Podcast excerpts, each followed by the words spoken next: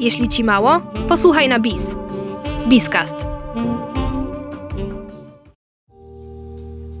Najlepsze momenty w życiu.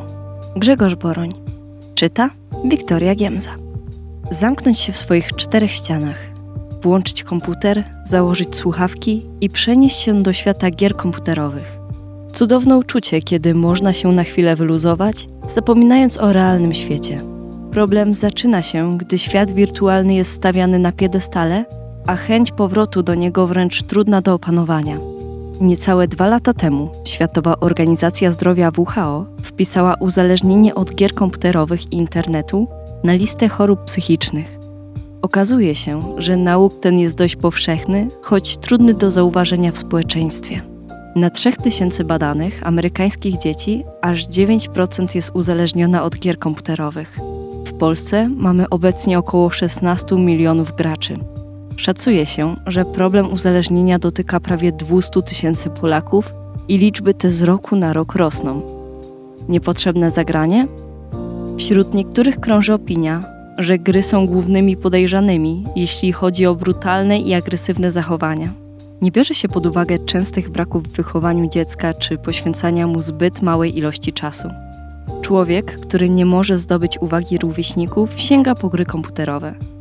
Nauk, który jeszcze w latach 80. ubiegłego wieku prawie nie istniał, dziś zaliczany jest do choroby psychicznej. Czy słusznie? Jednym z hitów polskiego internetu jest filmik, gdzie dziennikarka pyta się młodego człowieka, co będzie robił w Sylwestra. Odpowiedź każdy zna. Film ten, choć budzi dużo radości, pokazuje poniekąd, kim jest człowiek uzależniony. Myśląc o kimś takim, mamy obraz nieco zaniedbanego chłopaka, który ma problem z nawiązywaniem relacji społecznych i jest chorobliwie nieśmiały. Grając, traci kontakt z otoczeniem. Zachowanie to absorbuje go. Przestaje się liczyć rodzina, hobby. Człowiek ten jest zaabsorbowany komputerowym światem, a gdy zostaje z niego przymusowo wyciągnięty, staje się agresywny. Uzależnienie od gier komputerowych, mimo że jest uzależnieniem behawioralnym, polegającym na ciągłym powtarzaniu danej czynności, w tym przypadku grania, niczym nie różni się od uzależnienia od alkoholu czy papierosów. W chwili, gdy uzależniony nie ma możliwości wykonywania danej czynności, oblewa się potem, staje się sfrustrowany.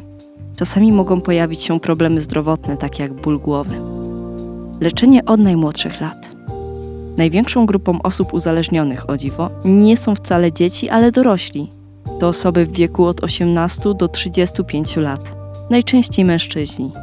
Sam proces leczenia nałogu jest trudny i wymaga dużo samozaparcia. Uzależnienie od gier leczy się tak samo jak inne nałogi behawioralne, seksoholizm czy pracoholizm. Istnieją trzy metody leczenia. Psychoterapia uzależnień, zespół złożony ze specjalistów stara się uzmysłowić pacjentowi wagę jego uzależnienia, grupy samopomocowe. Cześć, jestem Grzesiek, nie grałem od dwóch dni. I farmakoterapia, leczenie lekami. Problem jest o tyle poważny, że w Wielkiej Brytanii zdecydowano się otworzyć specjalne kliniki dla osób uzależnionych od gier komputerowych. Korea Południowa poszła o krok dalej i zdecydowała się zakazać gier internetowych od północy do 6 rano dla osób poniżej 16 roku życia. We Francji z kolei w 2018 roku wprowadzono całkowity zakaz używania urządzeń elektronicznych w szkołach. Co jeszcze czyha na studenta? Studia to najpiękniejszy moment w życiu. Czasami trzeba go nieco ubarwić, a czasem sięgnąć po środki, które pozwolą dalej studiować energetyki i kawę.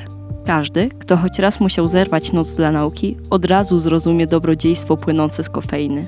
Alkohol, papierosy i narkotyki znają wszyscy. I szkodliwość jest spajana nam niemalże od najmłodszych lat. Z drugiej strony, o szkodliwości kofeiny nie mówi się prawie nic. To przecież jeden z głównych składników diety studentów.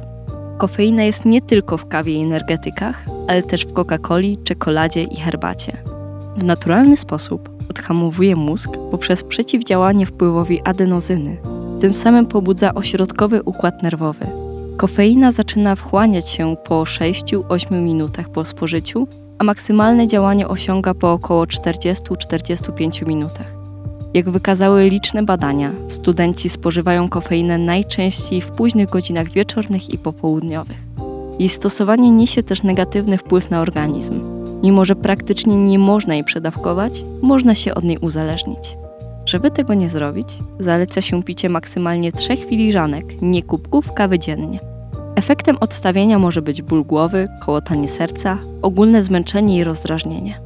Studencie, jeśli zauważysz, że zachowanie Twojego kolegi albo koleżanki posiada wszystkie symptomy uzależnienia od kofeiny czy gier komputerowych, nie bądź bierny.